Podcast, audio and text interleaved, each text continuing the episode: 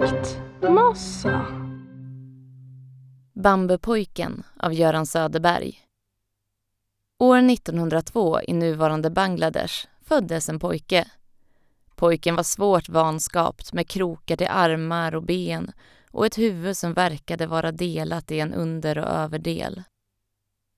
Under pojkens näsa gick en skarp gräns runt hela huvudets diameter. Därunder kom hans underkäke som var betydligt mindre i omkrets. Hans huvud såg ut som två halvklot i olika storlek, som med våld pressat samman. Pojkens ögon var blodröda springor och de flödade över av en gulaktig vätska. Pojken försökte skrika, men på grund av den vanskapta skallen förmådde man bara frambringa ett gurglande. Pojkens far var en brittisk överstelöjtnant stationerad i provinsen. När han kom in i rummet fylldes han av fasa och vämjelse. Han plockade upp pojken med ett fast grepp om smalbenet och slungade honom med all kraft i väggen. En tjänare tillkallades. Han lade det krossade spädbarnet i en korg och bar under tystnad ut det ur rummet. Överstelöjtnanten hade fullt upp med att trösta sin chockerade och panikslagna fru och bevärdigade inte sonens begravningståg med en blick. Tjänaren gick djupt in i bambuskogen. När han nått skogens hjärta satte han ner korgen på marken. Han såg sig om. Den lilla pojken suckade och gurglade. Hans vanskapta skallform berövade honom någon mun i egentlig mening. Han kunde inte skrika. Hade han fått leva vidare hade han för resten av livet fått leva på flytande föda. Han hade heller aldrig kunnat prata, sjunga eller skratta. Tjänaren läste en kort bön över pojken och lämnade honom i korgen. Tids nog skulle rovdjuren hitta pojken och göra honom till sin kvällsvard. Det sjöng i bambun och tjänaren kände sig obehagligt till mods. Han var kristen och hade avskurit sig varje form av vidskeplighet. Ändå kändes det som om bambuskogen förebrådde honom hans grymhet. Som om den sjöng i sorg och fasa över hans illdåd. Men tjänaren var ogift och hade inga möjligheter att sköta om och uppfostra det lilla vanskapta barnet. Han skakade på axlarna och gick med tunga steg tillbaka mot huset. Det knakade och rasslade i bambun och tjänaren tänkte att ett vilddjur nu hade fått upp vittringen på det lilla gossebarnet. Han rös. Han närmade sig åter villan.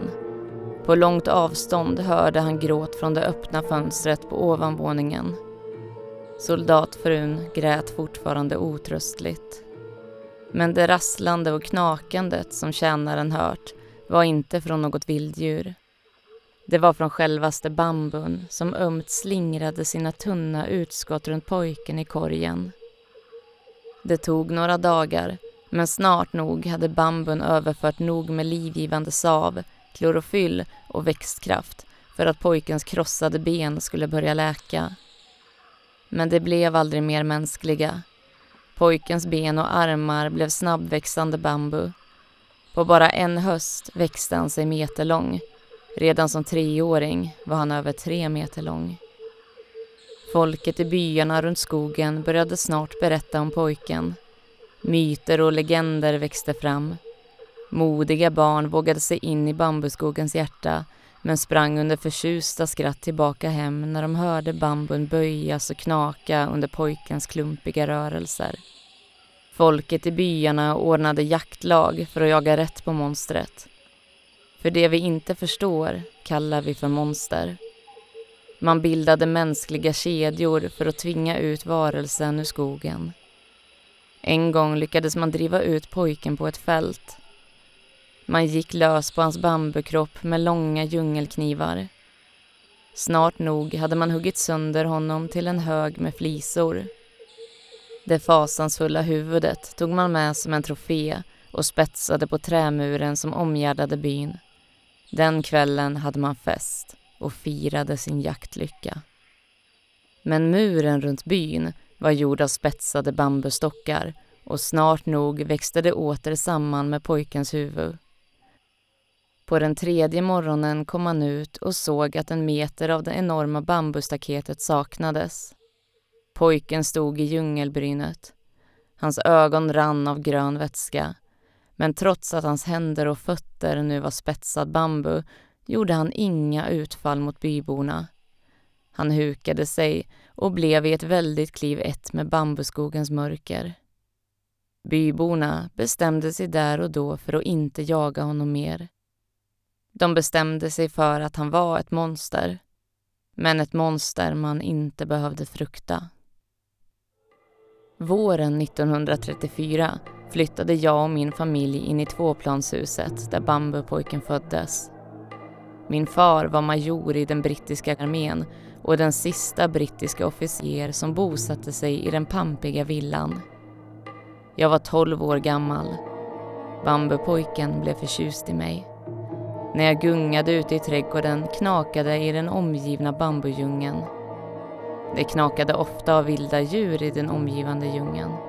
Det var ingenting vi behövde frukta eftersom att egendomen omgavs av höga staket.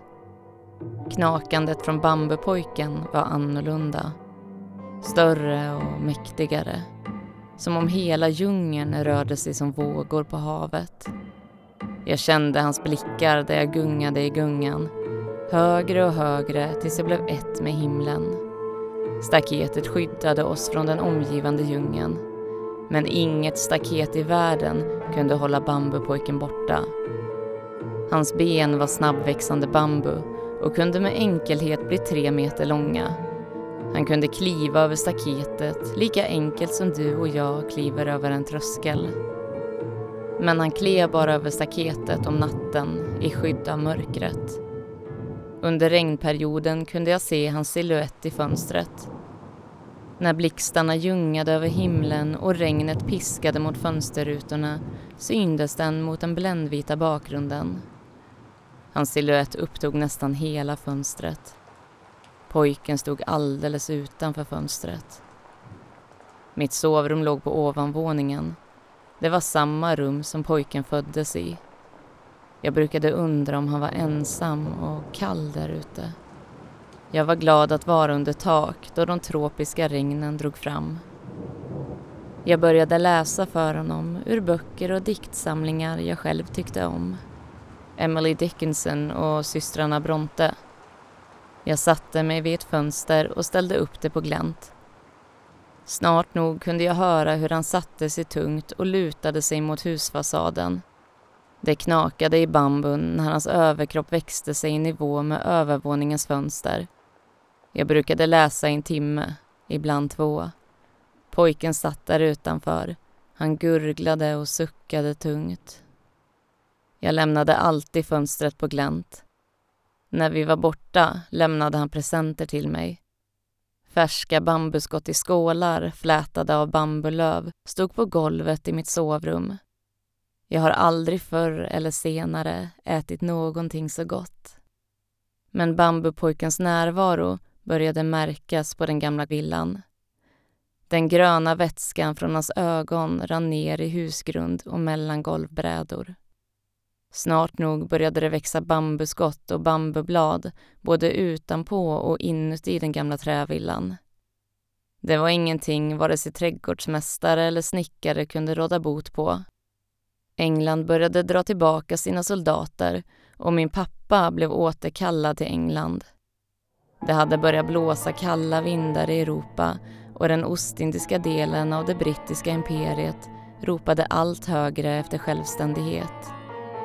Det var nog tur att det blev som det blev. Djungeln återtog villan. Sakta blev den till ett med växtligheten och djurlivet. Jag minns vår avfärd. Jag tittade bakåt genom bilens bakruta där det överväxta huset blev mindre och mindre. Jag undrade om pojken skulle sakna mig. Det hördes konstiga ljud från djungeln bakom oss. Ljud som om djungelns alla djur skrek i smärta. Djungelns alla fåglar steg som kaotiska svarta moln från träden. Mina föräldrar låtsades inte om dem utan bad chauffören trampa hårdare på gaspedalen. Vi pratade sällan om vår tid i Bangladesh. Inte ens nu när jag är vuxen och har egna barn finner jag kraften eller öppningen för att berätta. Det är må hända därför jag skrivit ner denna lilla berättelse. Och du får tro om den precis vad du vill.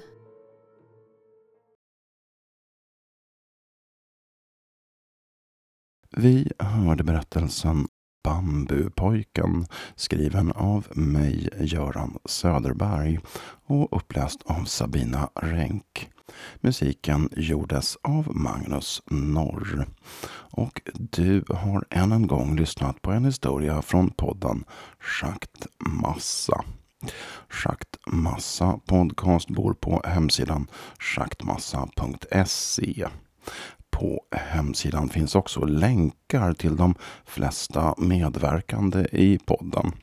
Klickar du till exempel på Sabinas namn så vips är du inne på hennes hemsida. Schaktmassa podcast är ett öppet projekt så vill du skriva, agera uppläsare eller göra musik till podden så hör av dig till oss. Schaktmassa podcast utkommer den 13 och den 27 varje månad klockan ett på natten. Skam den som tycker illa därom. I nästa avsnitt så ger vi oss av till klassiska spökmarker och gläntar på den knarrande dörren till ett ödehus mitt ute i skogen. Lyssna om du vågar. Välmätt.